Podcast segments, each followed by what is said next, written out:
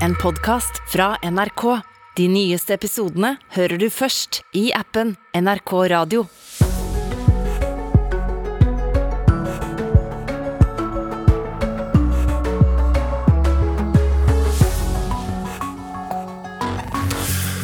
Velkommen til denne litt stille morgenen konkurransemessig sett eh, nå under OL. Men selv om det er lite action i Beijing, så er det likevel masse å ta tak i for oss her i Nyhetsmorgen. Og også fra OL, der vi skal begynne. For det er akkurat blitt kjent at Ingvild Landmark Tandrevold, som rysta både TV-seere og radiolyttere i helga med sin kollaps, ikke skal gå mer i OL. Og så blir det politisk etterspill på toppnivå etter matvaregigantenes prisøkning nå i begynnelsen av februar. Det er jo slik i Europa at matvarekrisen kommer etter strømkrisa. Det, det, det rett og slett dynger seg på. Mm. Over halvparten av norske skoleelever mellom 16 og 20 år har gjort én eller flere endringer i livet som følge av klimaendringene. Jeg skal spise mindre kjøtt i 30 dager. Jeg skal bare dusje i kaldt vann. Jeg skal bare kjøpe klær brukt. Og vil det i så fall hjelpe? Det skal vi spørre en gjest her i Nyhetsmorgen om litt. God morgen til deg. I studio i dag Birger Kolsrud Jåsund og Jon Branes. Og Vi skal altså begynne med OL i Beijing og nyheten om at Ingvild Landmark Tandrevold, skiskytteren, reiser hjem. I går så rysta hun oss alle ved å kollapse på siste runde av jaktstarten, og det blir ikke flere renn i OL på henne, fortalte hun sjøl for kort tid siden. Slik det er nå, så er det blitt bestemt at jeg ikke får lov til å gå flere distanser i OL. Det er gjort av helsemessige årsaker, og jeg er selvfølgelig veldig, veldig lei meg. Og ja, den, det Hjertet mitt er knust, og det det er ikke av medisinske årsaker, for så vidt, men, men jeg reiser hjem til Norge ved første mulighet. Og kommer ikke til å stille på stafett eller på fellesstart denne uka. Blytungt for Tandrevold hører vi her, og Odd Sindre Tonning som er med oss nå fra NRK Sport. Det var jo ikke noe uventa, egentlig? Nei, etter at det, det, vi så på egentlig den siste kilometeren på, på gårsdagens løp, så, så, var det ganske forventa. Altså, det er jo som, som jeg sier, total kollaps. Rett og slett en skikkelig høgdesmell for Tandrevold, som gikk fullstendig tom. Tapte jo til Tiri Lekhoff ett og et halvt minutt på siste, siste runde, så det var, det var bom stopp for Tandrevold. og Hun er jo en type løper som går og går og pusher så langt det går, og enda litt lenger. og I går så røk strikken, og da er det nok fornuftig som legger ned og sender henne hjem, så hun kan samle overskudd igjen. ja.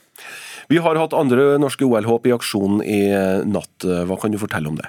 Ja, Det har vært litt blanda drops, egentlig. For det har vært kvalifisering i både friski og snøbrett, da slopestyle og big air.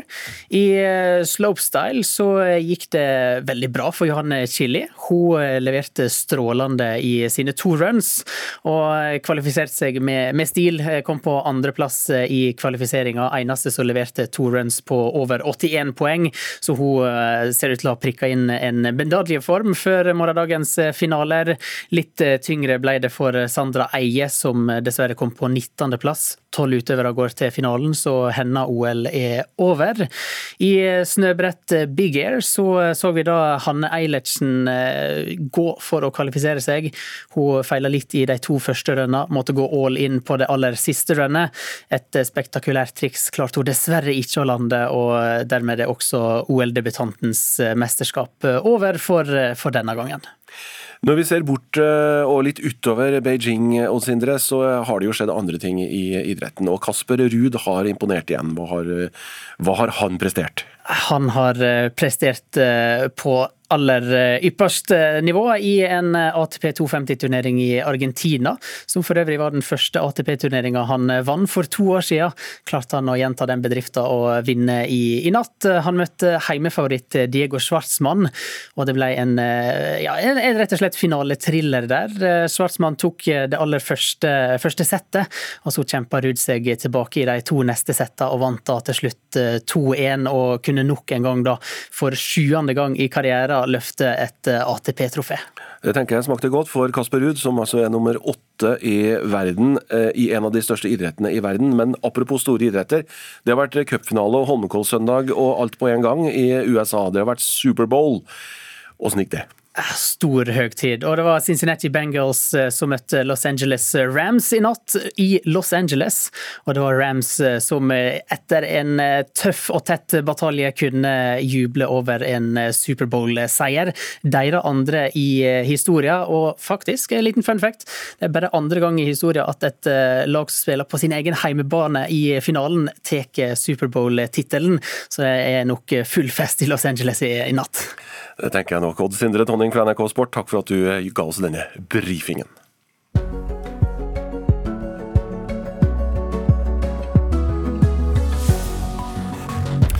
Jeg skal gjennom noen andre nyheter fra natten. Ja, Kanadisk politi har rydda denne viktige brua på grensa til USA. Der har det den siste knappe uka vært motstandere som har sperra den, motstandere av koronatiltak og vaksiner. Etter at en domstol erklærte denne aksjonen for ulovlig, har politiet da i natt norsk tid arrestert flere demonstranter og fjerna lastebilene som sperra bl.a. viktig varetransport. Rett eh, før klokken seks norsk tid så bekreftet myndighetene at trafikken over Ambassador Bridge går nå som normalt. og Det er fortsatt demonstrasjoner og blokader i hovedstaden Ottawa, som eh, også har tiltrukket seg vaksinemotstandere fra USA og andre land. 21 steder i Norge blir det også demonstrasjoner i dag, men da om eh, politisk styring av kraftmarkedet. Bak står en serie med fagforeninger, ifølge Klassekampen. Hovedkravene er stans i krafteksport når det er lite vann i magasinene, at Norge trer ut av ACER, EUs energibyrå, og at det skal være makspris på strøm for husholdninger, i tillegg til forutsigbare priser for næringslivet. Flere og flere flyselskap eh, innstiller nå flyavganger til og fra Ukraina, av frykt for at konflikten med Russland skal bli verre. Og En av eh, årsakene er jo selvfølgelig eh, denne nedskytingen av et fly fra Malaysia Airlines over Øst-Ukraina i 2014, som du kanskje husker, der 298 mennesker døde. Og så på tampen tar vi med en hva skal vi si, Jon, en liten kattemelding? Ja, vi må ha Kattenytt. Vi må ha Kattenytt. Og det er politiet i Oslo som i natt fikk melding fra en bekymra person på Høybråten. Noen dro i håndtaket i ytterdøra. Da patruljen kom fram, så hørte de kraftige dunkelyder og mjauing. Det var altså en katt som viste seg å være den skyldige.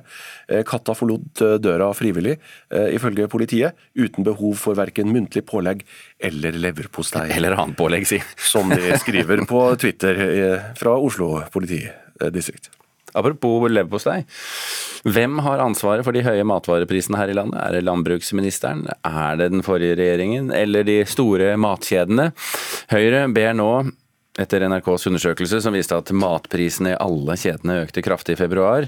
Samtidig de krever nå at landbruks- og matministeren kommer til eh, Stortinget. Og det gjør Høyre fordi de vil at regjeringen konkret forteller hva de ønsker å gjøre for å bedre priskonkurransen i dagligvarebransjen.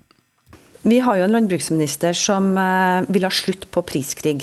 Det betyr dyrere mat i butikkene. Høyre etterlyser nå handling fra landbruks- og matminister Sandra Borch etter NRK sin undersøkelse som viste at prisene på mat ble satt kraftig opp 1.2 for deretter å legge seg likt i dagligvarekjedene på et vesentlig høyere nivå. Derfor så ønsker Høyre at uh, landbruksministeren uh, nå forsikrer Stortinget om hvordan hun skal legge til rette for økt konkurranse. Men statsråden sier at hun deler bekymringa om de høye matvareprisene, og at hun også har kontakt med Næringsdepartementet om saken. Og så har jeg, må jeg jo si at jeg tror ikke at Linda Hofstad Helleland skal være bekymra for min handlekraft når det gjelder konkurransesituasjonen i i dagligvaremarkedet. Men noe konkret plan for hva hun vil fortelle Stortinget, har hun ikke. Vi er jo i en internasjonal råvarekrise også, Så alle priser øker jo. Samtidig så er det viktig for meg å si at eh, prisene på norske matvarer har faktisk gått ned de siste årene. Borch er lite imponert over utspillet fra Høyre, som hun mener gjorde lite med konkurransen i løpet av sine åtte år i regjering frem til i fjor høst. Dette er en sak som regjeringa er opptatt av, og som også Senterpartiet og Arbeiderpartiet eh, kjørte ganske hardt i Stortinget for to år siden, når vi tvang eh, forrige regjering til å gjøre en rekke tiltak i dagligvaremeldinga eh, som ble behandla i Stortinget. SV sin nestleder Torgeir Knag Fylkesnes mener at konkurransesituasjonen i dagligvaremarkedet er uholdbar, og at det trengs handling nå. Det bekrefter jo det som eh, Konkurransetilsynet allerede har eh, påpekt, at det er en koordinert prisdanning i dagligvaremarkedet, eh, som er jo ulovlig. Det er et, det er et tegn på prissamarbeid. Og det her kan ikke vi leve med. Reportere her, det var eh, Johan B. Settem og Sofie Lork Falk. Og bransjeorganisasjonen Virke de er ikke helt enig i den siste påstanden fra Fylkesnes her. Viser til at eh, prisene på mat og drikke har falt det siste året. Priser bekymrer også folk i Europa, for energikrisen skaper høye strømpriser. Og i Hellas så går også da derfor matvareprisene til værs. Torgbodene ligger på rekke og rad i ei gate i Aten. Salgsbordene buler av både blodrøde epler, grønne salathoder, enorme brokkoli og paprika i alle farger. Det er fullt av folk som snuser rundt etter et godt kjøp. Men det er ikke så lett lenger, for prisene har gått i taket den siste tiden. En gråhåret pensjonist i boblejakke og lilla munnbind fortviler.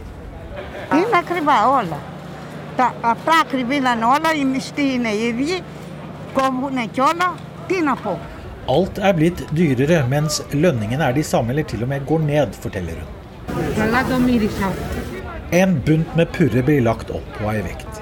De handlende er sjokkerte over prisene, som har gått opp mellom 20 og 50 bare siden januar. Prisene er til å bli gærne av, forteller Joanna Nastoli, som også er pensjonist. Μας επηρεάζει και μας έχει στρίψει όλους με την ακρίβεια. Να παίρνεις 400 και να σε κόβουν και από τα 400. Grekerne er offer for en negativ trend som rammer folk i hele Europa. Prisene når nye rekorder pga. de økte prisene på strøm og gass. 3.200. Μετά πήγαινε ΦΠΑ και τα λοιπά και πήγαινε γύρω στις 3.500. Bak en av salgsbodene står bonde Pantelis Morsos. Grått hår og en blank isse vitner om at han har vært i gamet lenge. Han viser fram strømregningen, som forklarer hvorfor prisene stiger. Strømregningen på frukt- og grøntlageret hans gikk opp fra rundt 3500 euro i begynnelsen av 2021 til 10 500 euro på slutten av året. Produksjonen går ned, og det blir mangel på varer, og dermed går prisene opp på markedet, forteller han. Και το αποτέλεσμα θα αυξηθούν οι τιμές, αλλά οι καταναλωτές δεν μπορούν να τα αγοράσουν. I forrige uke parkerte hundrevis av bønder traktorene sine på en av de største motorveiene i landet i protest. For selv om den greske staten har brukt mer enn to milliarder euro på strømstøtte, synes mange dette ikke er godt nok. Greske forbrukerorganisasjoner vil ha mer. Υπάρχει κόσμος που πιστέψτε που δεν ανοίγει.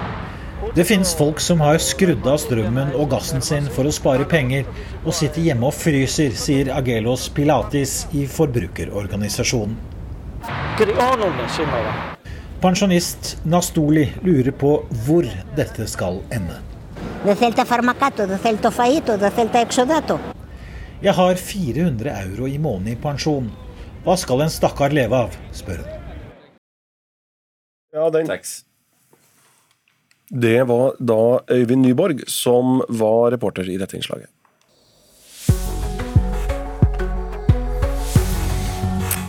Akkurat der ble klokken 06.44, og Nyhetsmorgen er det programmet du har eh, innstilt eh, radioen på.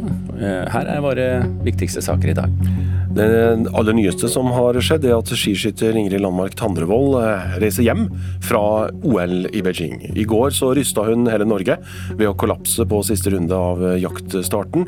Det blir ikke flere renn i OL på henne, fortalte hun sjøl for kort tid siden.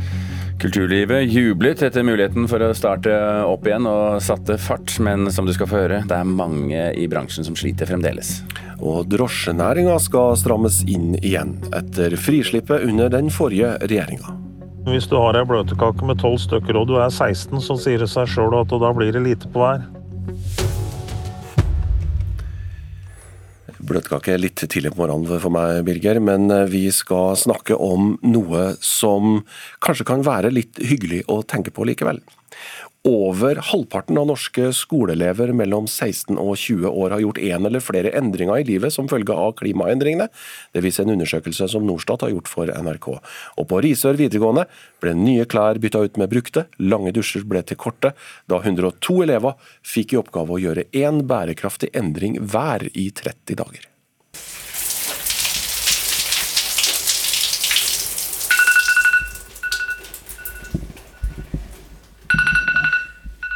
Tenker du når du hører den i dusjen? jeg tenker få den av. den er så grusom. Det er den jeg våkner til også. Så. Naomi Lundtveit Gomez står på badet hjemme i Risør og viser oss hvordan alarmen hjelper henne med å korte ned på dusjetiden. Målet er fem minutter. Ikke bare enkelt for en som liker å stå i 20. Første gangen så gikk det ikke så bra, for da, var jeg på, da prøvde jeg å ikke se på klokka underveis. Men da var det på sånn rundt, da var jeg 45 sekunder over, eller noe, så da ble jeg litt skuffa. Naomi er en av 102 elever ved Risør videregående skole som er med på et endringsprosjekt som heter Sea Challenge. Elevene skal selv velge endring, men den må vare i 30 dager og være bærekraftig. Jeg tenkte jo hele tiden, Før så skal jeg være sånn, ja, veldig opptatt av miljø, og sånn, men så er det sånn, ja, hva skal jeg egentlig gjøre selv? Og så har jeg hele tida visst at jeg må kutte ned på dusjinga. Men så har det bare aldri blitt noe. Så nå har jeg jo fått en litt sånn push i rumpa, da. Jeg syns de var gode. Det heter mammas sjokolade... Nei, tantes sjokolade. Inne på Risør videregående skole sitter flere elever sammen og spiser lunsj. Men ukene framover har de ulike endringer å fokusere på. Jeg skal spise mindre kjøtt i 30 dager. Jeg skal bare dusje i kaldt vann. Jeg skal også spise mindre kjøtt. Jeg skal gå med klær som slenger i skapet. Jeg skal være pesketarianer. Jeg skal bare kjøpe klær brukt. Jeg skal gjøre en god gjerning hver dag. Men elevene her er ikke de eneste som endrer noe. Ifølge en undersøkelse Norstat har gjort på vegne av NRK, svarer 52% av 16-20-åringer at de har gjort én eller flere endringer i eget liv pga. klimaendringene. 33% har ikke. Halvveis inn i utfordringen begynner det ofte å bli tøft. Tuva Hansen leser opp fra telefonen. Som en del av prosjektet får de meldinger som setter i gang tankeprosessen. Sånn på bærekraftsdebatten så er det alltid snakk om at vi må gjøre de og de endringene. Men det å faktisk gjøre det, er det ikke så mange som gidder. Sånn som Norge der, Vi har ikke så mye utslipp i forhold til Kina. Og det er sånn, ja, men vi må også gjøre våre endringer. Vi kan ikke bare legge skylden på alle andre. Så det er noe med det å skjønne det i praksis, at du faktisk må gjøre forskjellen selv. Og ikke bare fortelle andre hva de skal gjøre. Og så ser jeg liksom noe på tilbud til 300 kroner, da, og så tenker jeg den er jo verdt det. Men eh, så tar jeg meg selv i det at eh, da får jeg heller kjøpe det brukt hvis jeg virkelig trenger den. Så jeg har gått litt mer inn i meg selv og jeg vet ikke, jeg har satt litt mer pris på klærne mine. Ikke alle de 102 elevene sto løpet ut, men Naomi fullførte. Og den siste dusjen var på fem minutter og fem sekunder. Jeg er veldig fornøyd over innsatsen min disse 30 dagene her. For jeg har fått ned dusjetida mi på, med veldig mange minutter. Og jeg har skjønt at eh, det er ikke mer enn det som skal til for å ha blide foreldre. Nei da. Jo litt. Og så er det jo veldig greit for miljøet også å slippe å bruke så mye varmtvann hele tida. Reporter her Kristine Ramberg Aasen. Karen O'Brien, professor i samfunnsgeografi ved Universitetet i Oslo, god morgen. God morgen. Hva er det første du tenker når du hører denne reportasjen her?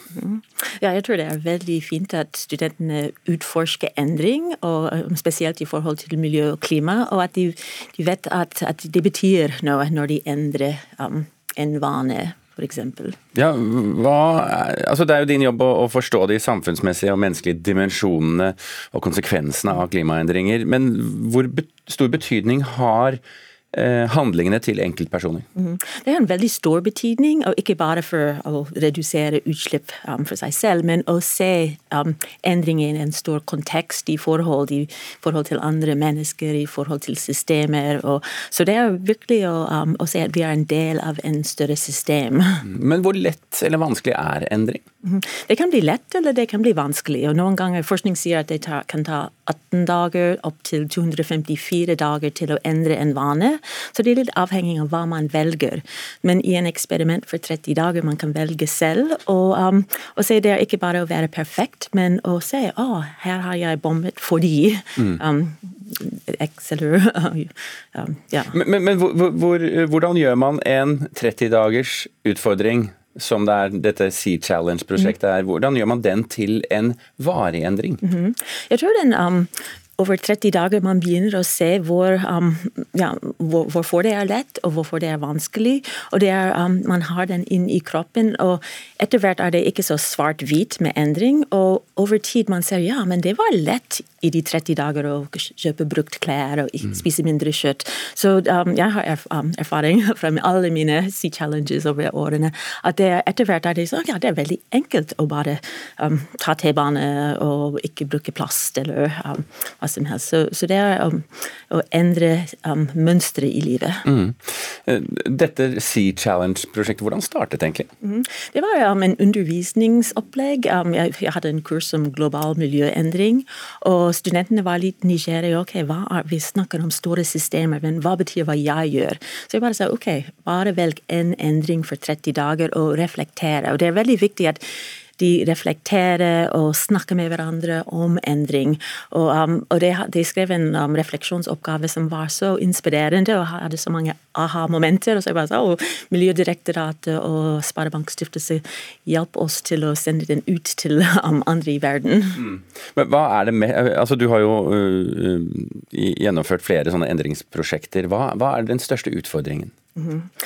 um, den utfordringen som um, studentene, um, elevene sa, er um, at det etter 15 dager det kan bli litt kjedelig. åh, jeg må bare bli kvitt Men for meg det har vært veldig vanskelig å um, eksempel når man ser at for eksempel plast i matbutikken, at det er um, et problem som ikke handler bare om meg, men det er, um, det, det er, vi må ha mulighet, vi må ha alternativer, og disse alternativer må bli den nye normal.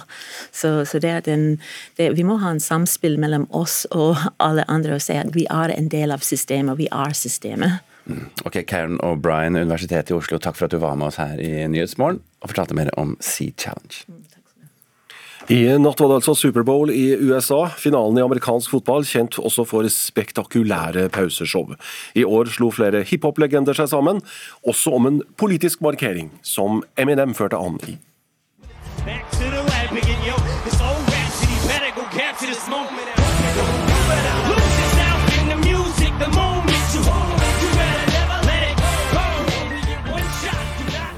Det blir litt datt og en vugge fram og tilbake til Lose Yourself fra Eminem her fra eh, Superbowl-showet. Kulturreporter Torvald Askim, Dr. Dre, Snoop Dogg, 50 Cent, alle var der, men Eminem altså stakk av med overskriftene. Ja, han satt seg etter en fremført selv, så satte han seg ned på ett kne og holdt seg på hodet. En markering som Colin Kaepernick gjorde verdenskjent i 2016 under nasjonalsangen. Og grunnen til at Kaepernick begynte å gjøre det, er fordi han sa jeg vil ikke hylle et flagg for et land som undertrykker svarte og fargede. Og denne markeringen gjorde altså Eminem da etter han hadde fremført.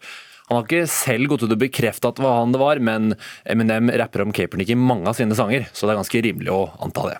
Colin Kaepernick gikk ut til å bli en av de mest kjente idrettsutøverne i verden da han starta med denne markeringa, men dette under Superbowl, da, foran millioner av TV-serier, hva slags effekt eh, kan det få?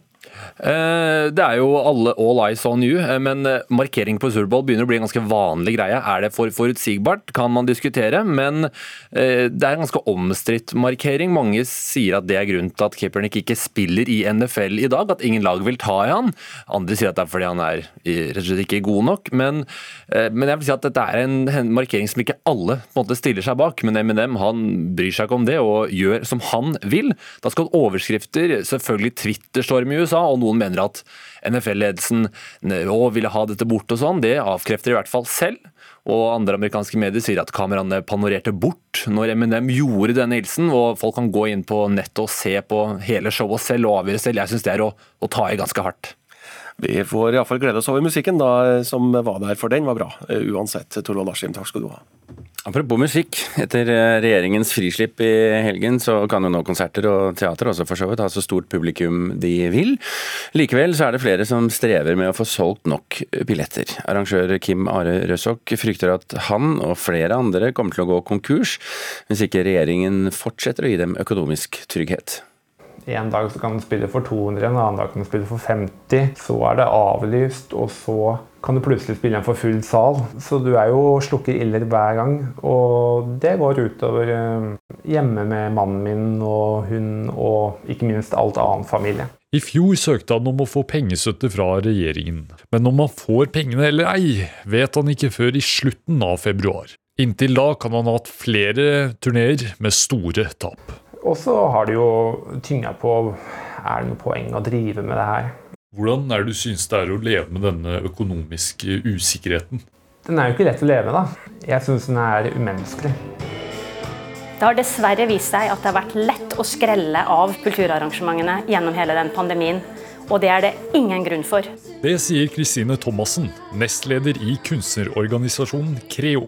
Hun påpeker at de jobber hardt for at alle i kulturlivet skal få betalt når de trenger det. På tross av at regjeringa og myndighetene har stilt opp med mange ulike tiltak, så har det vært og er fortsatt mange som sliter, og mange venter fortsatt, og mange opplever fortsatt uforutsigbarhet. Så vi forventer at eh, vi blir tatt på alvor på lik linje med alle andre i fremtida. Men tror du dere blir tatt på alvor nå? Ja, jeg håper og tror det. Jeg tror både Mannen i gata har innsett at kulturlivet har blitt urimelig ramma gjennom denne pandemien. Og jeg tror også politikerne har tatt det inn over seg. Men har egentlig kulturministeren tatt dette inn over seg? Det er klart at det tar litt tid å behandle alle de søknadene vi har fått inn nå. Og det var også et gigantisk etterslep av søknader etter forrige regjering. Vi har gjort alt vi kan for å oppbemanne, slik at det er flere som nå behandler søknadene raskere. Sannsynligvis er det slik at nå fordi at vi har åpnet igjen, så vil det også være behov for mindre penger i stimuleringsordningen. Så vi tror dette skal gå greit. Det var eh, kulturminister Anette Trettebergstuen du hørte der. Reporter det var Samuel Ostrev Berntsen. Og Byscenen i Trondheim hev seg jo rundt da restriksjonene ble opphevet på lørdag. De fjerna smitteverntiltak, stengsler, de fikk inn folk, og gruppa Violet Road fikk da et følelsesladd gjensyn med publikum. Du,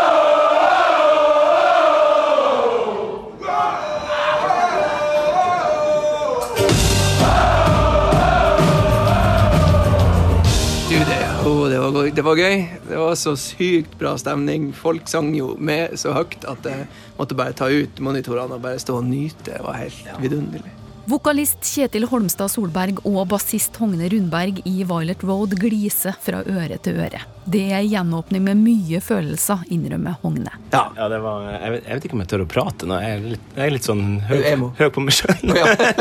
Kommer du til å si det snart? Ja. Nei, nei, nei, da. Nei, nei, jeg ble emosjonell. Jeg måtte gråte litt, faktisk. Du gjorde det, ja. ja. På, egentlig på andre låter.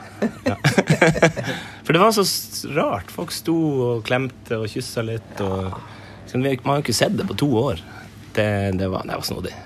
Og, og, da kom følelsene. Bare Å, ja, det var sånn det var. Det, var derf, det er derfor vi gjør det her. Det er veldig fint å se. Det er jo liksom en sal full av glis.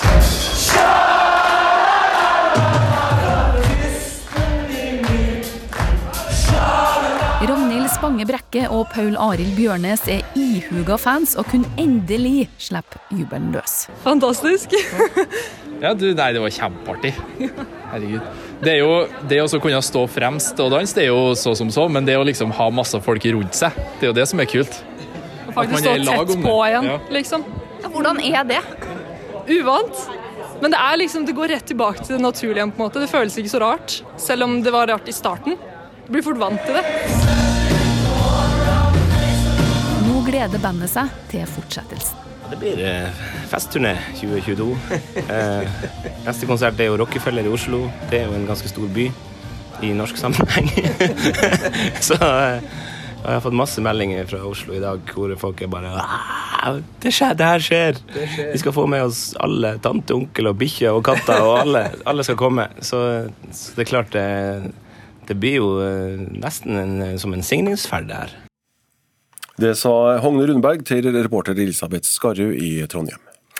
Den russiske kunstløperen Kamila Valjeva får delta i den individuelle konkurransen i OL. Det har idrettens voldgiftsrett bestemt. 15-åringen er storfavoritt i konkurransen, som starter med kortprogram i morgen. Kontroversen kom jo etter at eh, Valjeva bidro sterkt til at ROC tok gull i lagkonkurransen i OL, for da det ble kjent at hun avga positiv dopingprøve i desember. Så det var mye kontroverser knytta til det, men nå er det altså avgjort, i hvert fall inntil videre inntil videre.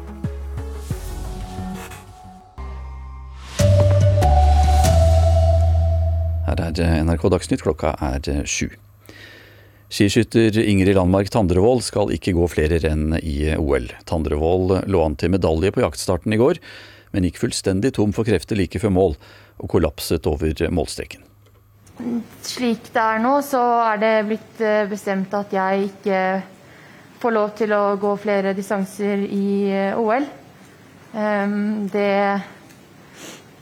er gjort av helsemessige årsaker, og jeg er selvfølgelig veldig, veldig lei meg. Og det, hjertet mitt er knust, og det Det er ikke av medisinske årsaker, for så vidt, men, eh, men jeg reiser hjem til Norge ved første mulighet.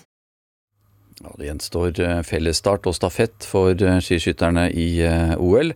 Karoline Knotten er reserve, og hun går trolig inn på stafettlaget for kvinnene. Det skal igjen bli vanskeligere å få løyve til å kjøre drosje her i landet. Støre-regjeringen vil skjerpe kravene, og foreslår å stramme inn igjen etter at Solberg-regjeringen løste opp reglene for drøyt et år siden. Etter det har antall løyver skutt i været, og det har blitt mindre å gjøre for mange av de etablerte drosjene.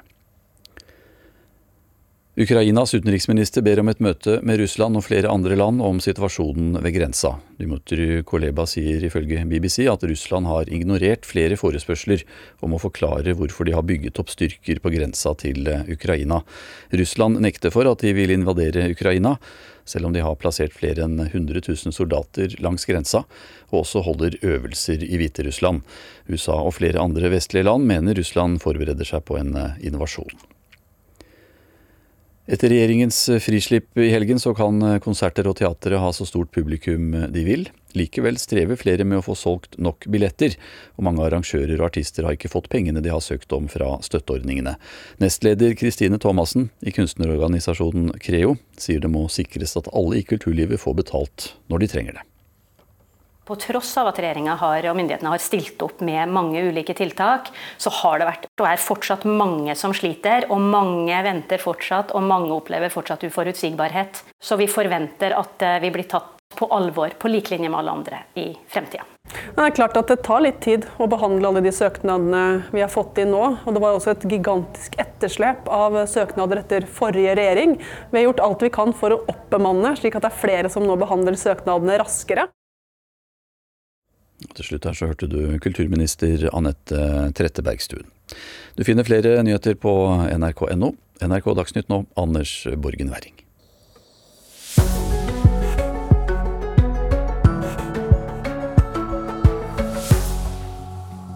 Drosjenæringen skal strammes inn igjen etter frislipp under forrige regjering.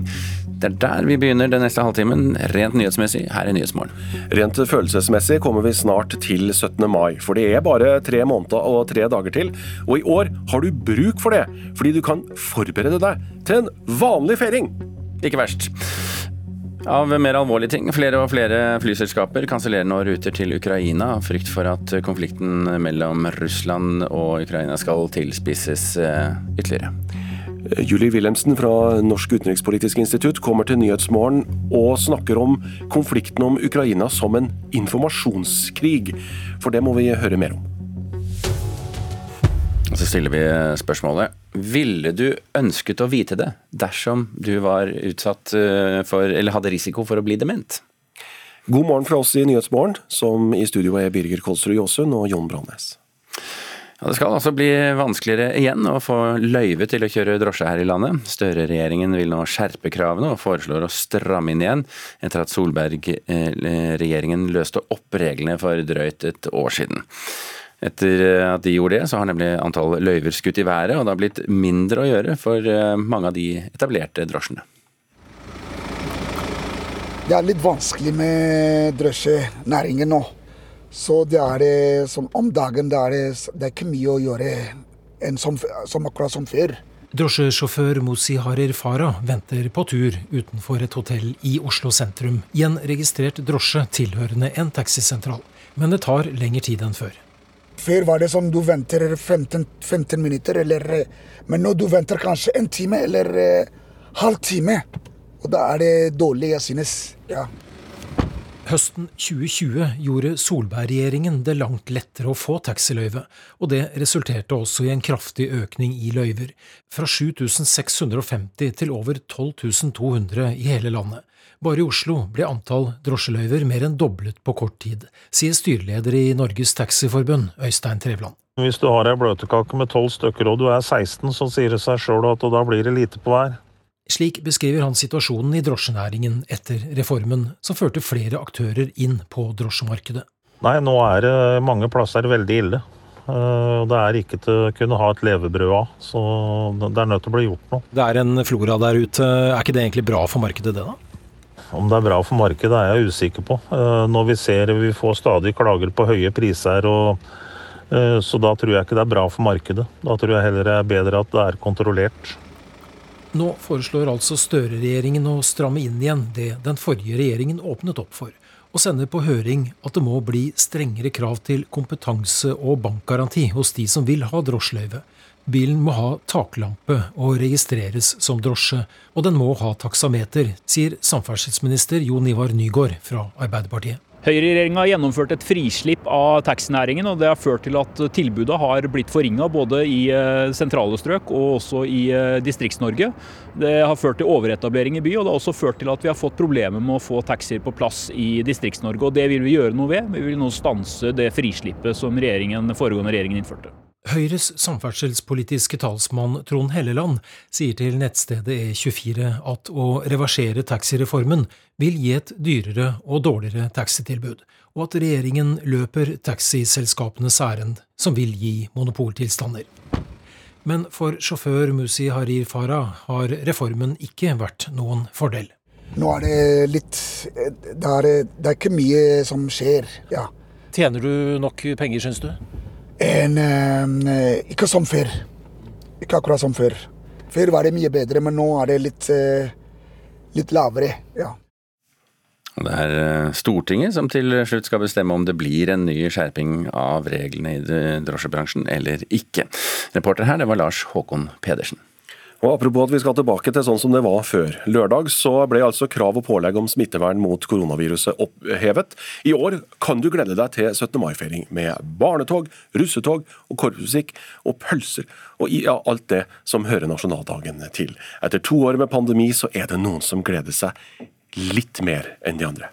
Flagget vårt er rødt og hvitt og blått. Sara Angelica Hansen Valtila sitter i en sofa med medelevene sine og vifter med et norsk flagg. Hun øver seg til nasjonaldagen.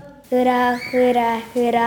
Pga. koronapandemien har tredjeklassingen ved Lunde barneskole i Skien aldri gått i tog på 17. mai. Jeg har ventet i tre år nå for å få lov til å gjøre det. Medeleven hennes William Quivi Flatebø gleder seg også til å endelig gå i tog. Så får jeg oppleve hvordan det er å gå i tog sammen med trinnet klassen. Og det ser lyst ut for barna som gleder seg. Oslo, Trondheim, Bergen, Tønsberg og Skien er blant de byene som planlegger å gjennomføre feiringa av nasjonaldagen på vanlig måte.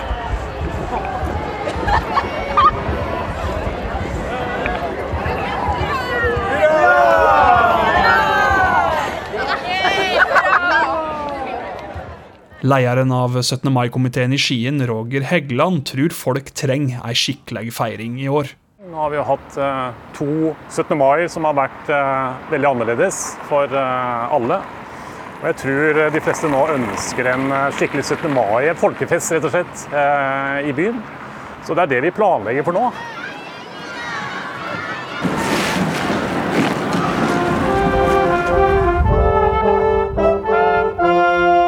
Men koronaen kan fremdeles ødelegge folkefesten.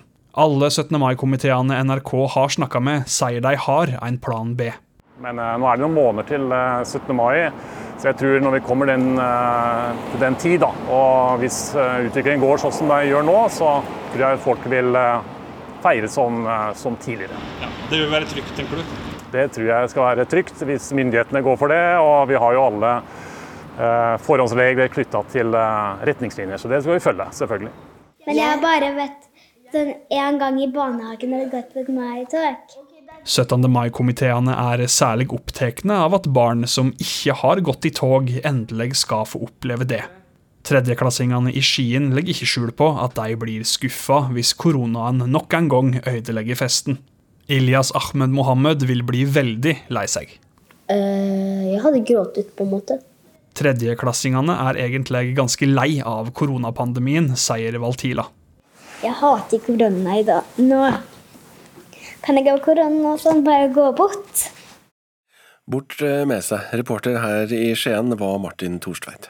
Marianne Borgen, ordfører i Oslo og 17. mai-entusiast, velkommen til oss. Tusen takk. Hvor mye av tiden du hørte denne reportasjen her, var det du ikke smilte? Eh, når han sa 'det kan gå galt likevel'. ja, ikke sant? Nei, fordi nå, nå, sånn som det ser ut nå, så ser det ut som vi kan få en normal 17. mai-feiring rundt omkring i hele landet. Og mm. det er jo så hyggelig å tenke på! Mm. Fordi jeg tror vi virkelig trenger det alle sammen. Først og fremst det er jo 17. mai barnas dag. Ikke sant? Det er en festdag for barna, sammen med familiene sine. Og her i Oslo f.eks. så pleier jo vanligvis over 30 000 barn å gå i 17. mai-tog i Oslo sentrum. Ja, De får jo ikke lov alle sammen samtidig, det er jo for mange. Ja, men, men det har vært altså, 30 000, men det er mange barn. 30 000 er veldig mange barn. Ja, Det er halvparten av elevene som må ja, på skolen. Litt, omtrent, ja, er det ikke det? fordi de plukkes ut og sånn. Men, men det er jo også barnetog rundt omkring i bydelene. Eh, og fest knyttet til skolene. Og, eh, sånn at vi håper virkelig at det kommer til å skje i år. Jeg vet at det er masse 17. mai-komiteer overalt som nå gleder seg til å planlegge. Men du sier at det er viktig. Hvorfor er det viktig? Det er viktig for samholdet i landet vårt, tror jeg.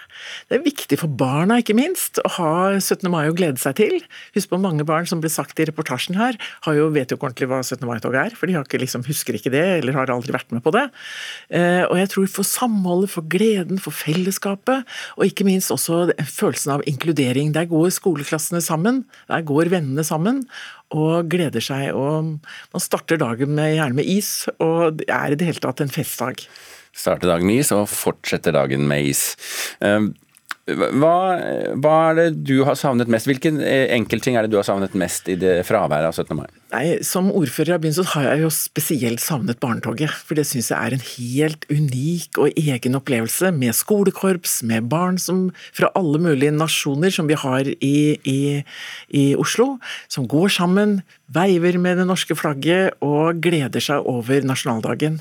Det er særlig barnetoget som gjør meg både rørt og utrolig glad. Og så har jeg savnet en ting til, og det er at hvert år så inviterer ordføreren i Oslo til en stor barnefest i Oslo rådhus rådhus. Da er det ca. 1000 barn som kommer inn i rådhuset. Og det har jo også vært en utrolig hyggelig tradisjon som jeg gleder meg til i år. Har du på deg øreklokker da?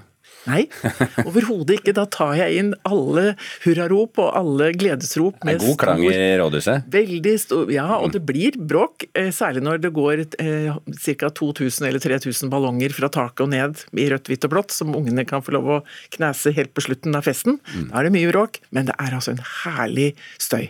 Har du en plan B?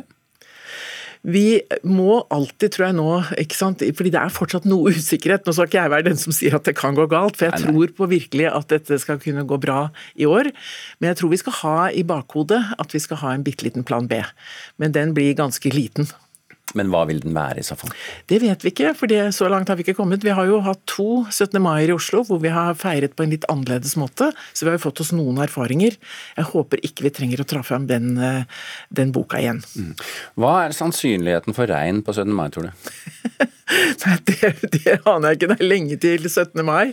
Så, satser på null? Vi, vi satser selvfølgelig på solskinn, blå himmel, skolekorps og flagg og faner og titusener av barn rundt omkring i hele landet som gleder seg. Mm. Ordfører Marianne Borgen, takk for at du var med i Nyhetsmorgen. Dette minner meg egentlig om eh, det som en eh, innflyttet kamerat av meg sa til meg da jeg begynte i Trondheim. Han forsto ikke at folk var så bekymra for været i Trondheim, for det var bare å vente i 20 minutter. Ja. Eh, nå skal det handle Nå skal om du vente i 30 minutter. Ja, det skal jeg gjøre. Fordi klokka 7.45 skal vi stille et spørsmål, eller Bjørn Myklebust skal stille det på vegne av oss alle. Nemlig kan Høyre og Miljøpartiet De Grønne samarbeide? Og Vi skal jo ikke svare her, Bjørn, men du kan fortelle hvorfor, spør du? Jo, for hvis vi ser rundt oss, den meste erfaringen vi har, er jo at svaret på det er nei. De samarbeider nesten ikke. Men, men det er en debatt i Høyre om dette. Om, om MDG kan være veien til makt, hvor mye de har til felles. For MDG står jo fast på at de er blokkuavhengige, de kan samarbeide til begge sider. Men her om dagen så kom svaret fra Høyre i Bergen. MDG er et klimafiendtlig miljøparti. Deres svar er altså definitivt nei. Ehm, Men så kan det være det kommer andre svar fra Høyre også, i Politisk kvarter. Kvart på åtte. Er det Høyre mot Høyre, da? Blant annet. Og vi skal servere tre bergensere, apropos vær. Ja, hvis du klarer å holde deg til et kvarter, så sier jeg egentlig godt gjort. Lykke til. Bjørn Myklebust, eh, fra klokka kvart på åtte i NRK P2 og NRK1.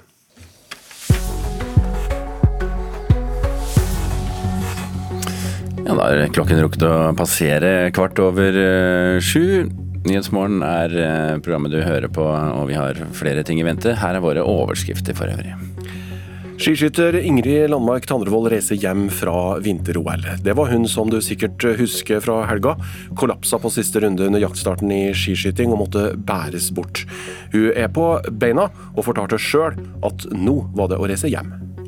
Kulturlivet jubler etter muligheten for å starte på igjen, men det er mange som fremdeles sliter.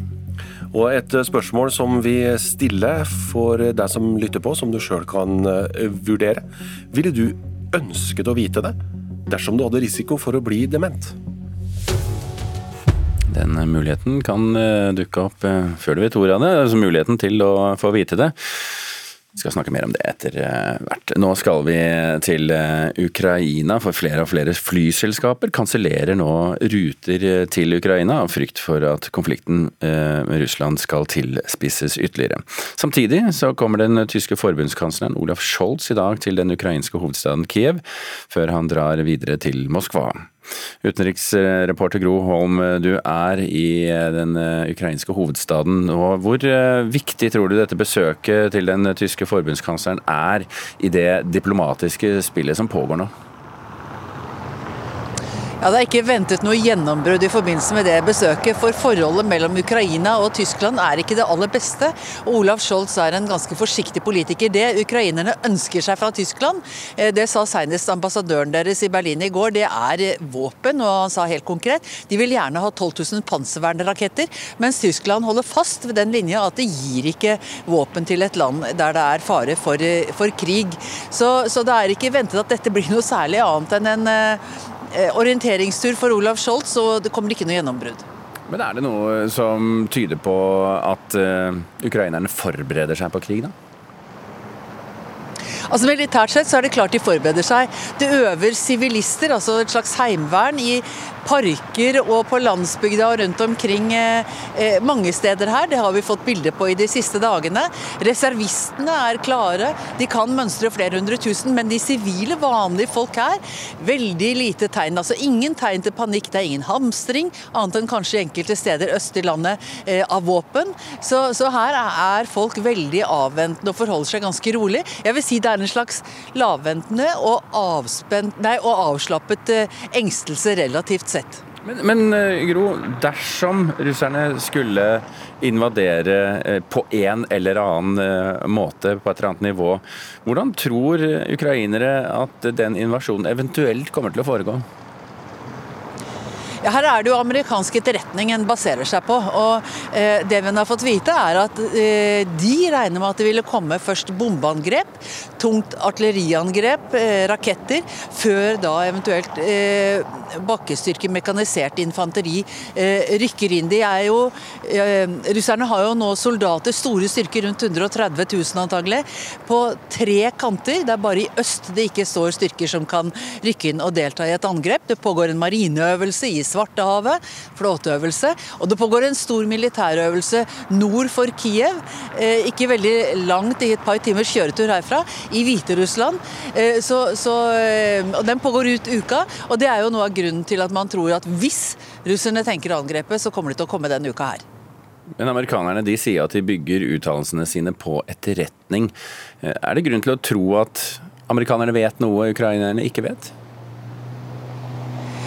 Det er jo, er jo, vanskelig for å se for seg at de skal dele det med det landet det faktisk eh, gjelder. Men eh, ukrainerne holder fast på, altså i hvert fall offisielt, at det er ingen grunn til panikk.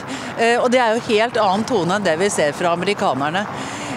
Så, så vi vet jo ikke, vi vanlige, eh, hva amerikanere egentlig vet helt og fullt. Eh, men de sier jo også da at de er ikke 100% sikre på at de kommer til å angripe, men at det er da eh, de har fanget opp etterretning som tyder på det. Men at den etterretningen kan også være plantet altså, av russerne, i den forstand at de vil at amerikanerne skal fange opp akkurat de signalene for å legge press både på amerikanerne og da ukrainerne, selvfølgelig. Eh, siste spørsmål til deg, Gro. Fint hvis du kan svare litt kort på det. Eh, hvorfor er det så viktig for ukrainerne å tone ned retorikken her? Fordi at uh, panikk betyr ingen investering. Det er ingen her, ingen, ingen, utenlandske selskaper som kommer hit nå og vil investere mer. Det kommer selvfølgelig ikke turister. Det går veldig veldig hardt utover økonomien allerede. Okay, Gro Holm fra Kiev for anledningen, takk for at du var med oss. Seniorforsker eh, Julie Wilhelmsen fra Norsk eh, utenrikspolitisk institutt. Eh, retorikk, ja. Vi hører at USA tror invasjonen kommer når som helst. Russland nekter for at det kommer over hodet, og ukrainerne er i skvisen. Og Dette er jo på en måte en slags informasjonskrig, sier du. Hvordan da? Nei, altså Hvis du studerer hvordan partene snakker over tid her, så er det bemerkelsesverdig hvor enkle og ensidige fortellingene er. Hvordan skyld fordeles. Russland legger den utelukkende på den vestlige sida, Nato-sida, og, og, USA og Nato utelukkende på, på, Russlands side. Og så gjentas disse eh, fortellingene, og enhver ny hendelse som oppstår, og i internasjonal politikk så oppstår det jo nye hendelser så å si hver dag, de kan du på en måte, de, de berammes av dette ekstremt svart-hvitt-bildet, hvor den andre har, har skylda. Sånn at Russland vil jo legge fram Russland har nærmest en slags konspirasjonsteori om, eh, om, Nato. Nato kan aldri gjøre noe som ikke er eh, offensivt i deres narrativ. Så enhver bevegelse fra Natos side fremlegges som en krigshandling. Hvis du ser på hvordan USA og eh, Nato ofte snakker, eh, så er Russland nødvendigvis eh, ekspansivt og, og, aggressivt. Hvis vi ser på disse stadige uttalelsene om at Russland kommer til å angripe Ukraina f.eks., i, i det narrativet, så er dette fullstendig uprovosert. Så man holder seg med hver sin litt enkle eh, fortelling, og det er helt åpenbart at dette er, slags, det er et slags våpen i krigen å fortsette å fortelle eh, historien på sin måte, legitimere det man gjør selv eh, ut fra den fortellingen. Og Problemet er selvfølgelig at til dels så snakker man til hjemmepublikum her, og for å legitimere sin, sine, sine, egne handlinger. Men samtidig så forsvinner jo muligheten for eventuelt å Eh, forhandle. fordi at Fortellingene er så forskjellige at du, du har ikke noe punkt hvor eh, det er mulig å stole på motparten og kanskje komme til enighet, kanskje inngå et kompromiss som kan være nødvendig. Så Det som er et slags virtuelt forhandlingsbord, det finnes ikke lenger. Og Her kommer kanskje de europeiske statslederne inn. da Nå var president Emmanuel Macron fra Frankrike på besøk i forrige uke. Olaf Scholz, nye forbundskansleren i Tyskland, skal både til Kiev og Moskva nå. Er det de europeiske statsleders rolle å prøve å finne mellomposisjoner her? Ja, Det er jo det paradoksale, at Russland på en måte har fått tvunget fram et forhandlingsspor. For det har jo vært veldig lite direkte kontakt eh, på tvers av Eh, øst-vest-linja siden eh, Russlands annektering av Krim i 2014. Men gjennom disse voldsomme mobiliseringene på russisk eh, side, så har man tvunget fram et forhandlingsspor og et skytteldiplomati, hvor det er åpenbart at europeerne, f.eks. Macron, den franske presidenten, og kanskje Tyskland, Scholz, føler at dette er en situasjon som er så farlig for Europa at vi må faktisk forhandle med med Moskva, og derfor forsøker man Eh, å gjøre det nå. Men det strider jo litt imot og er veldig vanskelig å få til. For enhver tur til Moskva ser ut som du skal forhandle med, med djevelen, og er veldig veldig uh, upopulær. Og egentlig, så, slik man har snakket nå, så har man ikke noe å gi når det gjelder uh, Ukraina. og Russlands uh, hva skal jeg si, veldig røde streker i Ukraina, som selvfølgelig handler om én Eh, Ukraina skal ikke bli medlem av Nato, men kanskje mer enn noen ting annet de siste par årene handler om at det skal ikke være mer enn Nato i Ukraina. Eh, og det vi har sett fra Moskvas side, er jo at eh, de kan nok forestille seg, slik man så i krigen i Georgia i 2008, at Zelinskyj ville tro at han hadde Natos ryggdekning til å ta tilbake Øst-Ukraina med makt. Eh, og da er hele eh, hensikten med denne oppbygningen eh, å si at ikke, ikke prøv dere. Men da kan vi helt avslutningsvis bare spørre altså Etter annektering av Krim, da Russland tok Krim i 2014, så har det jo vært veldig veldig kaldt forhold. Har denne konflikten på en måte vært Putins måte å få oppmerksomhet igjen, og få liksom kontakt igjen? Ja, men som sagt, jeg tror det er rundt disse eh, eh, konkrete spørsmålene. Nå var det jo fryktelig mange eh, krav som kom fra Russland eh, i desember. Eh, urealistiske krav, men jeg tror hovedkravet her dreier seg om eh, Ukraina. og altså Pga. denne propagandakrigen er det jo vanskelig å vite hva de egentlig vil, men så vidt jeg kan bedømme, så vil de ha tilbake forhandlingssporet eh, i Ukraina-konflikten. De vil forsøke å eh, presse eh, Normandie-formatet. Det blir komplisert, men det er litt viktig. Ja. De som sitter i Normandie, rundt forhandlingsbordet i Normandie, det er Tyskland, Frankrike, Ukraina og, og, Russland. Og Der har man faktisk en avtale fra 2015 som vil kunne bilegge eh, konflikten i Øst-Ukraina og føre det territoriet tilbake til Ukraina. Og Den avtalen går definitivt i Russlands favør, men jeg tror at Russlands hensikt har vært å legge så stort press på å få det de ønsker, og ja. få på plass eh, Minsk-avtalen. Tusen takk skal du ha, Julie Wilhelmsen fra NUPI. Kort spørsmål. Ville du ønsket å vite det dersom du hadde risiko for å bli dement? Nei. Nei. Jeg tror Jeg vil ikke vite hva som kommer til å skje? Nei, det hadde ikke vært noe bra. Ja, det hadde vært kjempefint, det.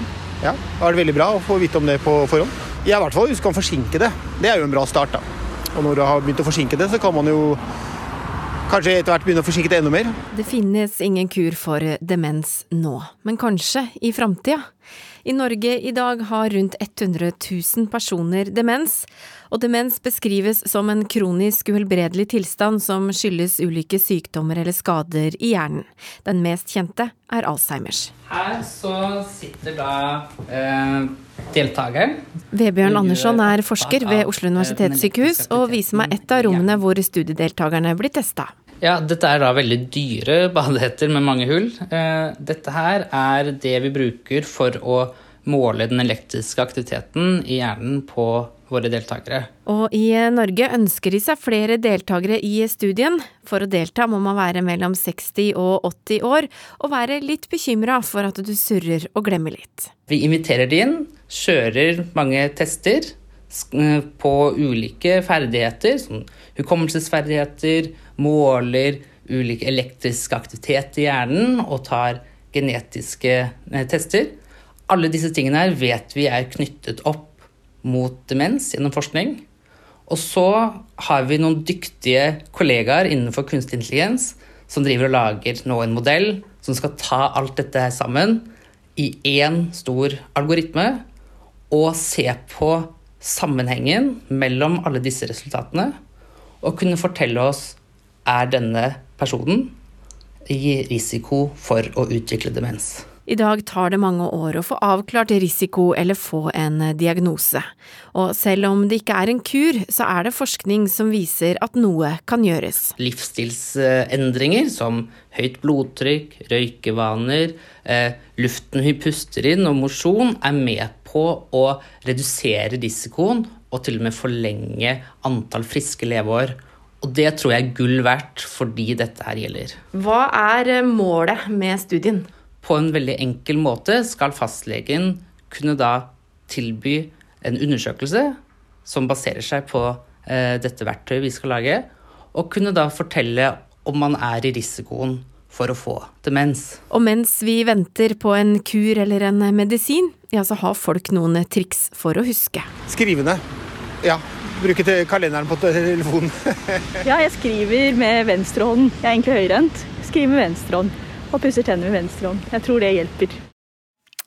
Hvis du kunne tenke deg å være med og delta i denne studien, så kan du enten snakke med fastlegen din, eller så kan du sjekke ut nettsiden ai-min.eu og trykk på det norske flagget. ai-min.eu. Reporter her, det var Hilde Nilsson Ridola. Det strammes inn i drosjenæringa igjen etter forrige regjerings frislipp.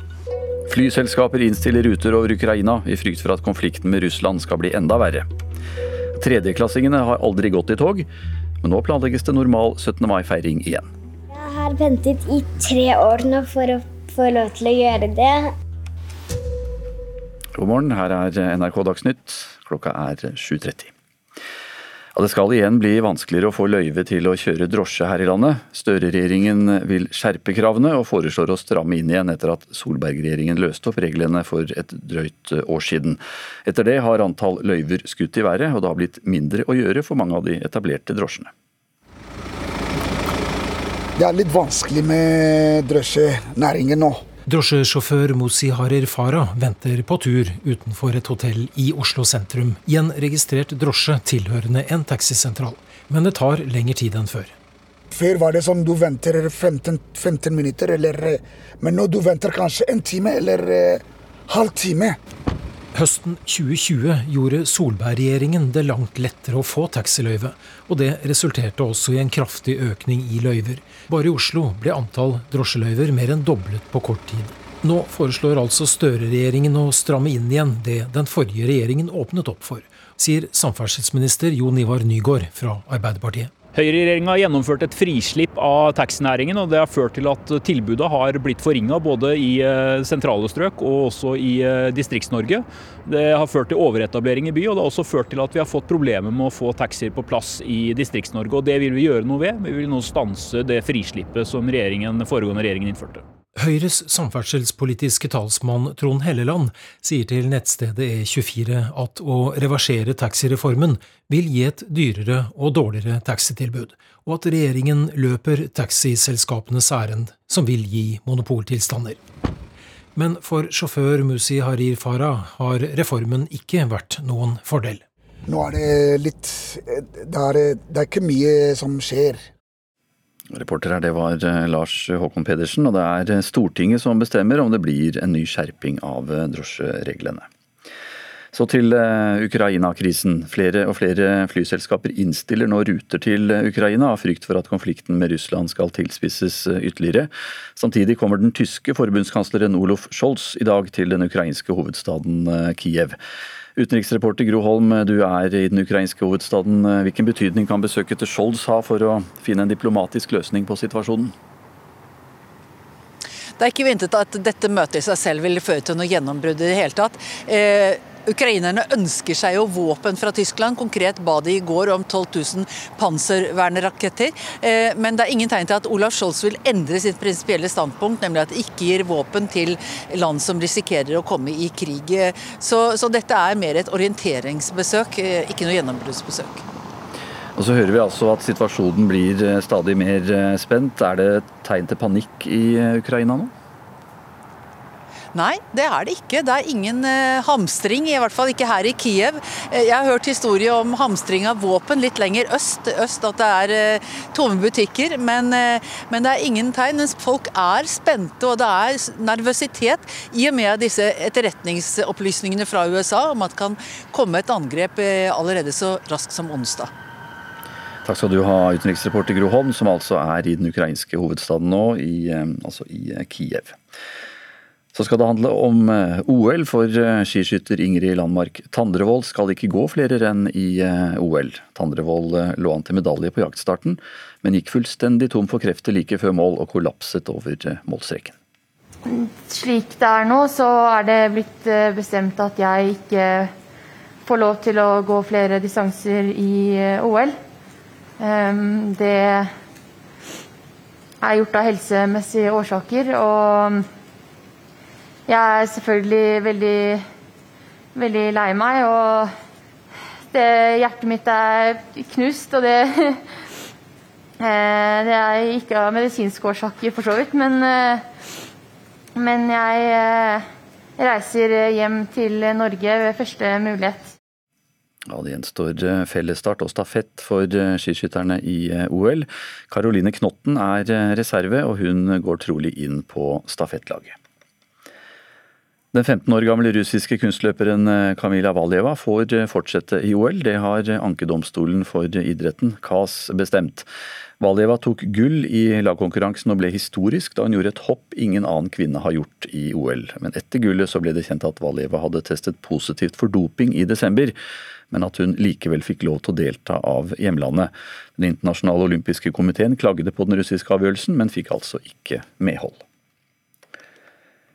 Over halvparten av 16-20-åringene her i landet har gjort én eller flere endringer pga. klimaendringene. Det viser en undersøkelse Norstat har gjort på vegne av NRK. På Risør videregående skole ble nye klær byttet ut med brukte, og lange dusjer ble til korte, da elevene fikk i oppgave å gjøre én bærekraftig endring hver i 30 dager.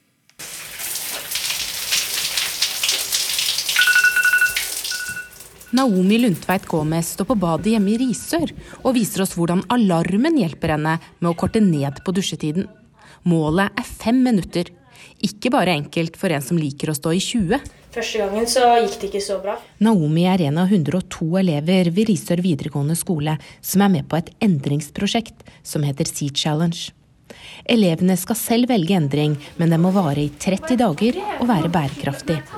Jeg skal spise mindre kjøtt i 30 dager. Jeg skal bare dusje i kaldt vann. Jeg skal være pesketarianer. Jeg skal bare kjøpe klær brukt. Men elevene her er ikke de eneste som endrer noe. Ifølge en undersøkelse Norstat har gjort på vegne av NRK, svarer 52% av 16-20-åringer at de har gjort én eller flere endringer i eget liv pga. klimaendringene.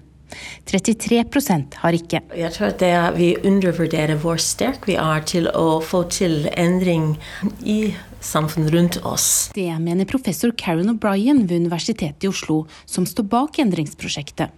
Hun mener smitteeffekten av endring er stor, og at prosjektet hjelper til med å få øynene opp for hvilke systemer som må endres. Det er veldig viktig at vi begynner å se hva mangler i samfunnet for å få til bærekraftløsninger og etter 30 dager er prosjektet over i Risør. Jeg er veldig fornøyd over innsatsen min disse 30 dagene her, for jeg har fått ned dusjetida mi på, med veldig mange minutter. Det er ikke mer enn det som skal til for å ha blide foreldre. Nei da, jo litt.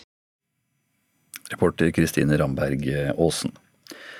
Koronarestriksjonene er opphevet, og i år så kan du glede deg til 17. mai-feiring med barnetog, russetog og korpsmusikk. Flere norske byer planlegger nemlig å feire nasjonaldagen på vanlig måte i år. Og etter to år med pandemi så er det noen som gleder seg litt ekstra til nettopp det. Flagget vårt er rødt og hvitt og blått. Sara Angelica Hansen Valtila sitter i en sofa med medelevene sine og vifter med et norsk flagg. Hun øver seg til nasjonaldagen. Hurra, hurra, hurra. Pga. koronapandemien har tredjeklassingen ved Lunde barneskole i Skien aldri gått i tog på 17. mai. Jeg har ventet i tre år nå for å få lov til å gjøre det. Medeleven hennes William Quivi Flatebø gleder seg også til å endelig gå i tog. Så får jeg oppleve hvordan det er å gå i tog sammen med trinnet klassen og det ser lyst ut for barna som gleder seg. Oslo, Trondheim, Bergen, Tønsberg og Skien er blant de byene som planlegger å gjennomføre feiringa av nasjonaldagen på vanlig måte. Lederen av 17. mai-komiteen i Skien, Roger Heggeland, tror folk trenger ei skikkelig feiring i år. Nå har vi hatt eh, to 17. mai som har vært eh, veldig annerledes for eh, alle. Men koronaen kan fremdeles ødelegge folkefesten. Alle 17. mai-komiteene NRK har snakka med, sier de har en plan B. Og hvis eh, utviklingen går sånn som det gjør nå, så tror jeg folk vil eh, feire som, eh, som tidligere. 17. mai-komiteene er særlig opptatt av at barn som ikke har gått i tog, endelig skal få oppleve det. Tredjeklassingene i Skien legger ikke skjul på at de blir skuffa hvis koronaen nok en gang ødelegger festen. Uh, jeg hadde grått ut, på en måte. Reporter her, det var eh, Martin Thorstveit. Til slutt en melding eh, som politiet i Oslo fikk inn i natt. De fikk eh, melding fra en eh, bekymret person som hørte at noen dro i håndtaket i ytterdøra. Da patruljen kom fram til hjemmet på Høybråten, så hørte de kraftige dunkelyder og mjauing. Det var nemlig en katt som viste seg å være den skyldige. Katten forlot døra frivillig, ifølge politiet, uten behov for verken muntlig pålegg eller leverpostei, som de skriver på Twitter. Det er eh, Anne Skårseth som har eh, ansvaret for eh, NRK Dagsnytt i dag. Jeg heter Anders Borgen Werring.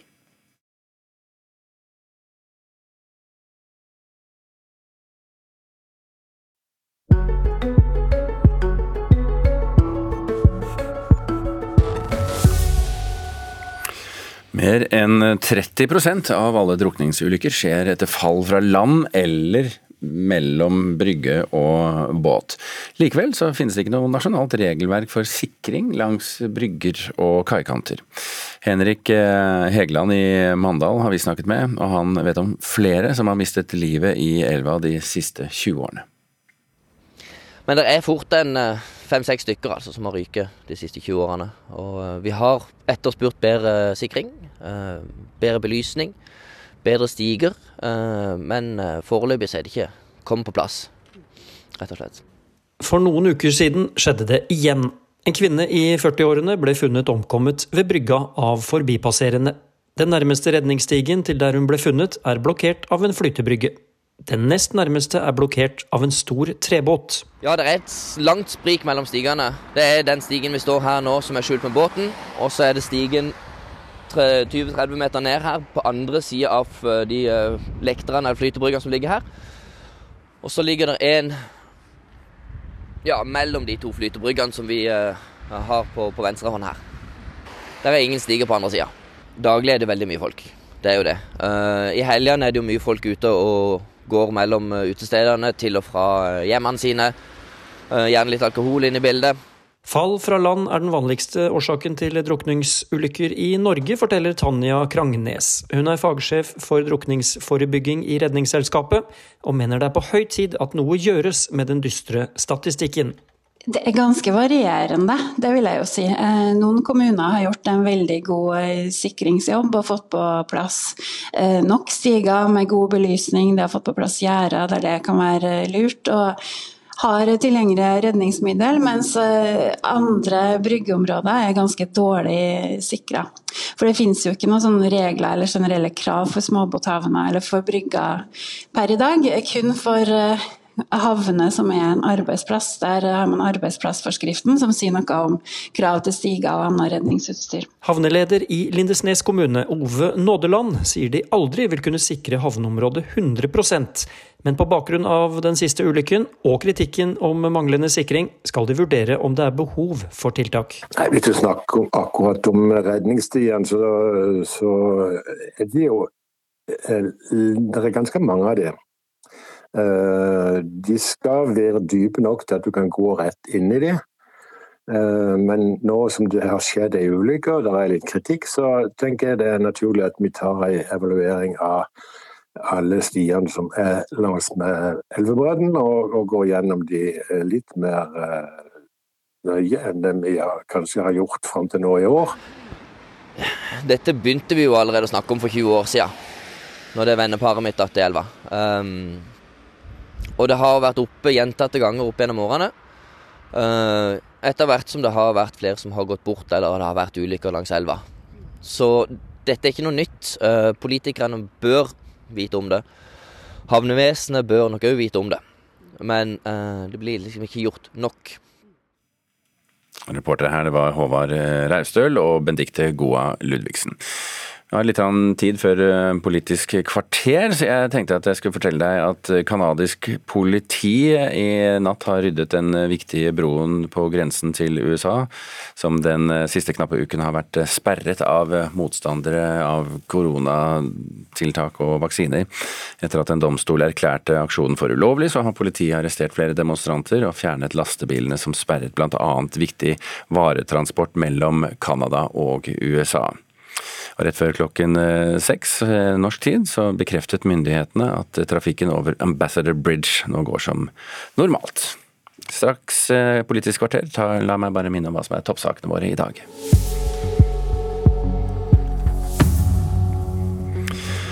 Flyselskaper innstiller ruter over Ukraina i frykt for at konflikten med Russland skal bli enda verre. Den 15 eh, år gamle kunstløpssensasjonen Kamila Valjeva får videre delta i OL, til tross for at hun avla en positiv dopingprøve eh, første juledag i fjor. Og det strammes inn i drosjenæringen igjen etter forrige regjeringens eh, frislipp. Nåværende regjering vil stramme inn. Nå er det Politisk kvarter med Bjørn Myklebust og et interessant spørsmål.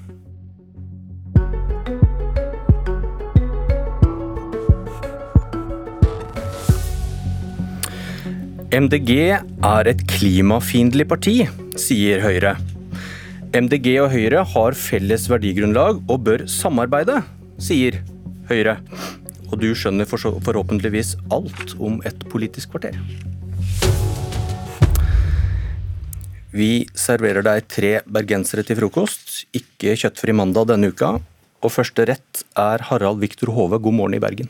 God morgen. Du er gruppeleder for Høyre eh, i Bergen bystyre, og du skrev i Bergens Tidende. MDG er et klimafiendtlig miljøparti. Og dette var et svar på om dere burde samarbeide for at Høyre igjen skal få makt i byen. For Bergen styres av MDG, Arbeiderpartiet, Venstre og KrF. Og hvorfor kommer du med denne ganske brutale avvisningen av Miljøpartiet De Grønne? Nei, Først og fremst er det jo en konstatering av at det er politikken som må forene oss, ikke ønske om makt. Um, og Da uh, ser ikke vi det som naturlig å samarbeide med MDG i Bergen, sånn som de har styrt Bergen sammen med Arbeiderpartiet og til dels SV og Rødt uh, i de senere årene. Det har ført til flere som flytter ut fra byen vår, uh, flere som bruker bil for å komme seg til jobb i byen vår. og Dermed så går klimagassutslippene opp, pendlingen går opp, og skatteinntektene ved at man ikke bor i Bergen og bidrar til fellesskap og de velferdstjenestene vi trenger i Bergen, de går ned. Og Den utviklingen er så stikk i strid med det som er vår politikk. Vi ønsker flere bergensere, vi ønsker å få fart på Bergen, men samtidig da tar klimahensynet som eh, forholdsvis MDG har vært flinke til å få satt på dagsordenen gjennom sin eh, virksomhet de siste ti årene. og Derfor har alle partier en klimapolitikk. Vår klimapolitikk er å gjøre noe med klimaproblemene, mens MDG er flinke på symbolpolitikk og det å snakke om det. Eh, men vi må altså gjøre noe, for det haster.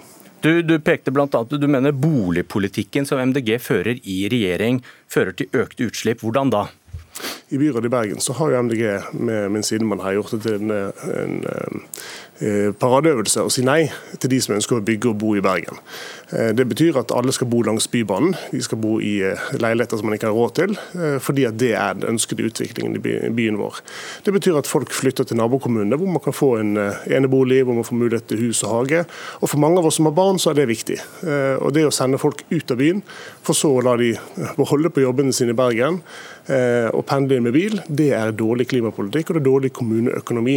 Og Derfor har vi sagt at vi må bygge mer i Bergen. Vi må sørge for at det er rom for familieboliger også i Bergen, og ikke bare overpriser overprisede leiligheter langs Bybaneaksen. Og der, der, ligger på det store spørsmålet både på klimaproblemet og på Bergens, Bergen bys vekst. Vi må få fart på Bergen. og MDG har vært en effektiv bremse på, på den muligheten når vi kommer ut av pandemien. Men som du, du jobber for og MDG jobber for, hvis de fleste etter hvert kjører elbil, utslippsfrie biler, hva skjer med det klimaargumentet ditt da?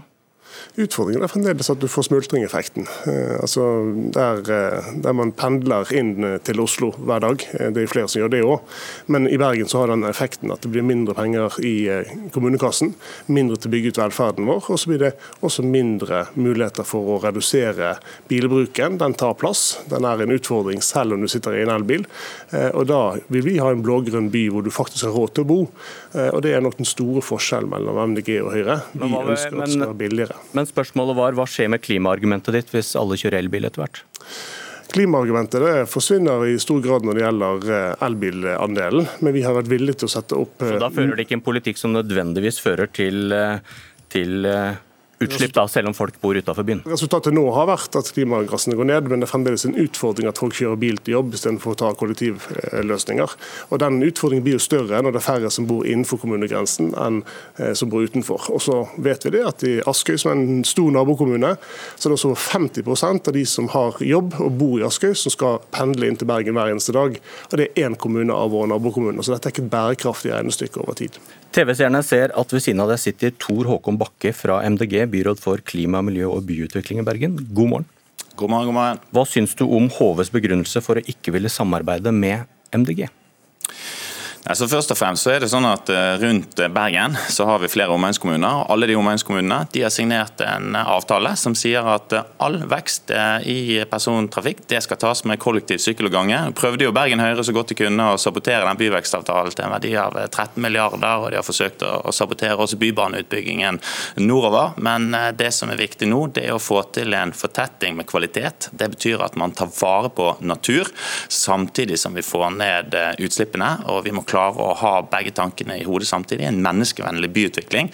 Nå er det også sånn at Bergen for få år siden vant Attraktiv byprisen, en pris som ble delt ut av den tidligere sjefen fra, til Harald Viktor Hove, Monica Mæland fra, fra, Høyre. Og Det var nettopp fordi at Bergen har satset på menneskevennlig byutvikling, bl.a. med byarkitekt, en kommuneplan som tar vare på nærnaturen til folk, som er viktig for folk, samtidig som vi, do, altså vi bor triveligere, hyggeligere, men også litt tettere for å ta vare på, på naturen. Mens Bergen Høyre for eksempel, vil jo legge ned byarkitekten. Har lyst til å ha fortsatt byspredning. Akkurat de tingene som nettopp gjør Bergen til en av de absolutt beste byene i verden å bo i og besøke, som også er kåret av ulike eh, selskaper og, og tidsskrifter som Monocle, som Iceland Air osv. Bergen vinner kåring på kåring, og det er fordi at eh, MDG og resten av byrådet fører en utrolig god politikk, og det gjorde man også i forrige periode. Hvorfor tror du da Hove sier så klart nei til å samarbeide med MDG i framtiden? Det må jo nesten han svare på.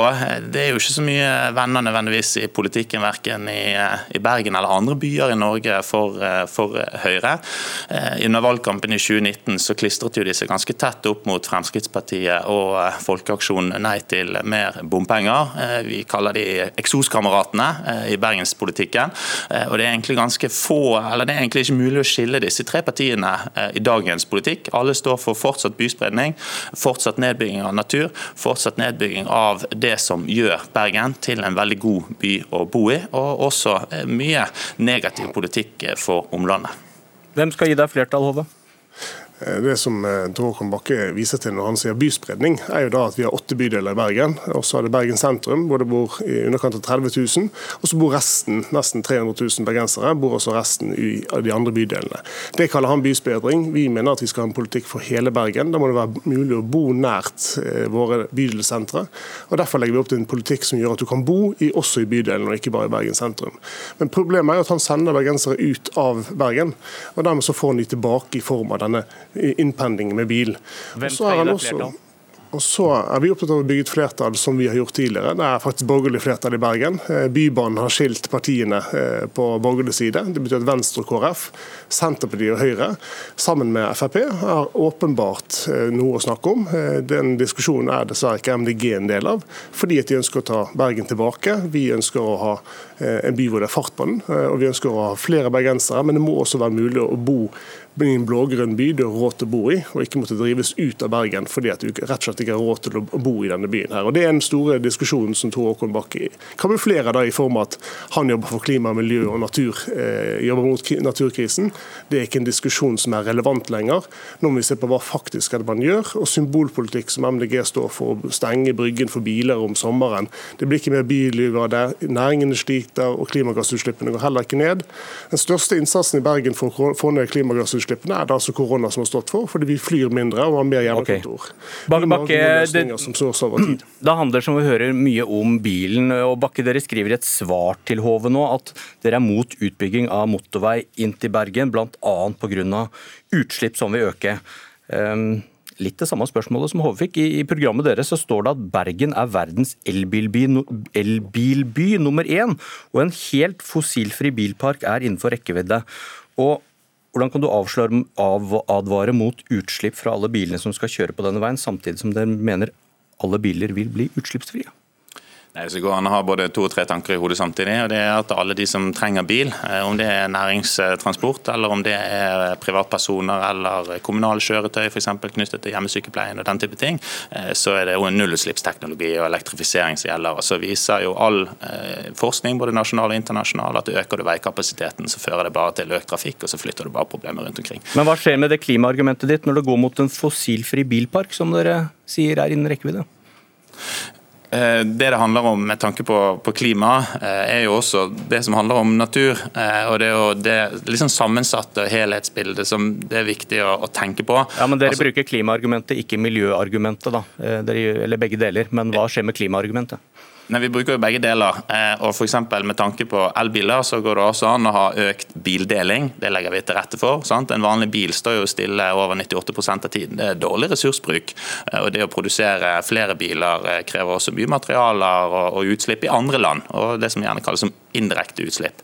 Alle disse tingene har byrådet en offensiv og, god politikk for.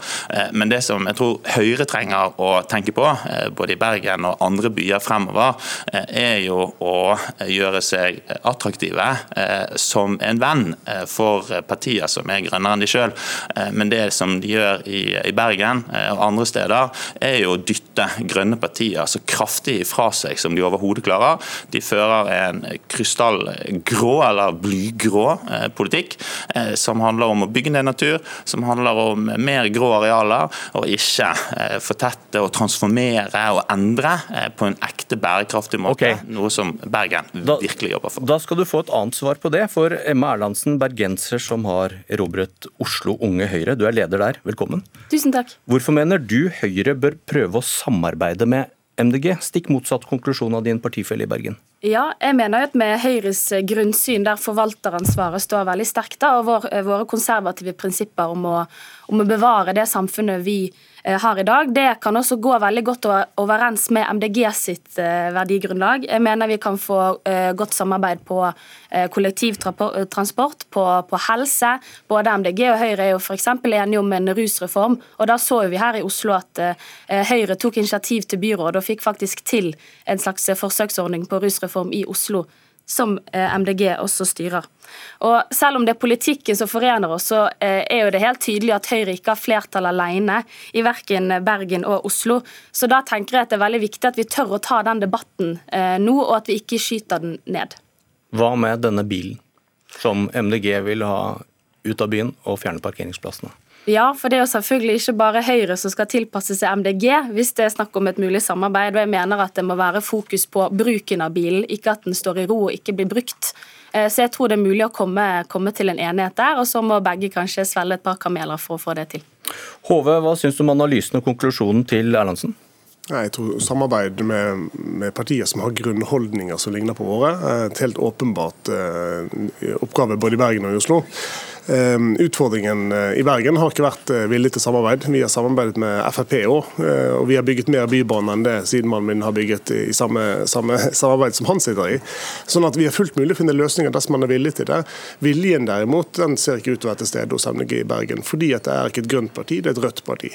Men er, er, du, er du enig i det Erlandsen sier om at dere har samme grunnsyn, på en måte, samme verdigrunnlag, og dermed bør finne sammen?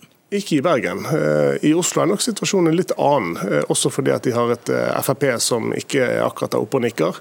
Og man har heller ikke et, et, stort Senterparti. I Bergen har vi begge deler. I Oslo er det MDG som er det store partiet. Det er også i ferd med å ta plassen fra Arbeiderpartiet som det førende på venstresiden. Sånn at det er en annen diskusjon i Oslo. Så blir spørsmålet da, som jeg tror Emma helt riktig adresserer, den ideologiske grunnlaget for samarbeid, det er én ting. Men så må vi også vise at vi har selvtillit nok på egen politikk, og det er det jeg gir uttrykk for. Vi har en grønn politikk som jeg tror på. MDGs grønne politikk det er symbolpolitikk. Det bidrar til at én av fem bergensere nå tror mindre på klimadugnaden med Tor Håkon Bakke eh, som, som klimadugnadsleder. Det er en utfordring som vi har lyst til å stoppe. Vi må ha reell grønn politikk. Vi kan ikke da snakke om det grønne skiftet, vi må gjennomføre det. og Det ser vi i Bergen. Det har dessverre ikke MDG et evne til. Og I Oslo kan det godt være at det er annerledes, men eh, jeg respekterer at der kan vi gjøre forskjellige valg i Bergen og i Oslo. Bakke, hva syns du om analysen og konklusjonen til Erlandsen? Altså, ideologisk så deler jo Miljøpartiet De Grønne politikken i to. Eh, grått og grønt, eh, ikke blått og, rødt. Eh, og Det er jo igjen veldig frustrerende å høre en politiker eh, fra et, et, mellomstort eh, parti i Bergen si at eh, det er Miljøpartiet De Grønne sin feil at det ikke går fort nok eller raskere med tiltakene på å få ned klimagassutslippene. Fordi at Hvis Bergen Høyre f.eks. hadde brukt en eneste kilokalori på å argumentere for hvorfor det er viktig å få ned utslippene, og hvilke tiltak man faktisk ønsker å få de ned med. Det hadde jo virkelig bidratt, men istedenfor så dytter de ansvaret over på alle mulige andre. Det er ansvarsforskrivelse. Og det vi trenger, det er å få fart på klimagassutslippene, få de ned, altså fart på å få de ned, og flere tiltak. Okay. Ikke mindre eh, som det Bergen Høyre ønsker. Hva slags reaksjoner har du fått her i Oslo fra dine partifelter i Høyre? Jeg tror eh, mange av mine venner i Oslo Høyre er klare på at det kan bli vanskelig å få til et MDG-samarbeid. Eh, men Høyre sitt mål må jo være å få mest mulig gjennomslag for sin politikk, og hvis det er sammen med MDG, så bør vi prøve på det. Takk Emma Erlandsen, og takk også til Bakke og Hove i Bergen. Dette var Politisk kvarter. Jeg heter Bjørn Myklebust.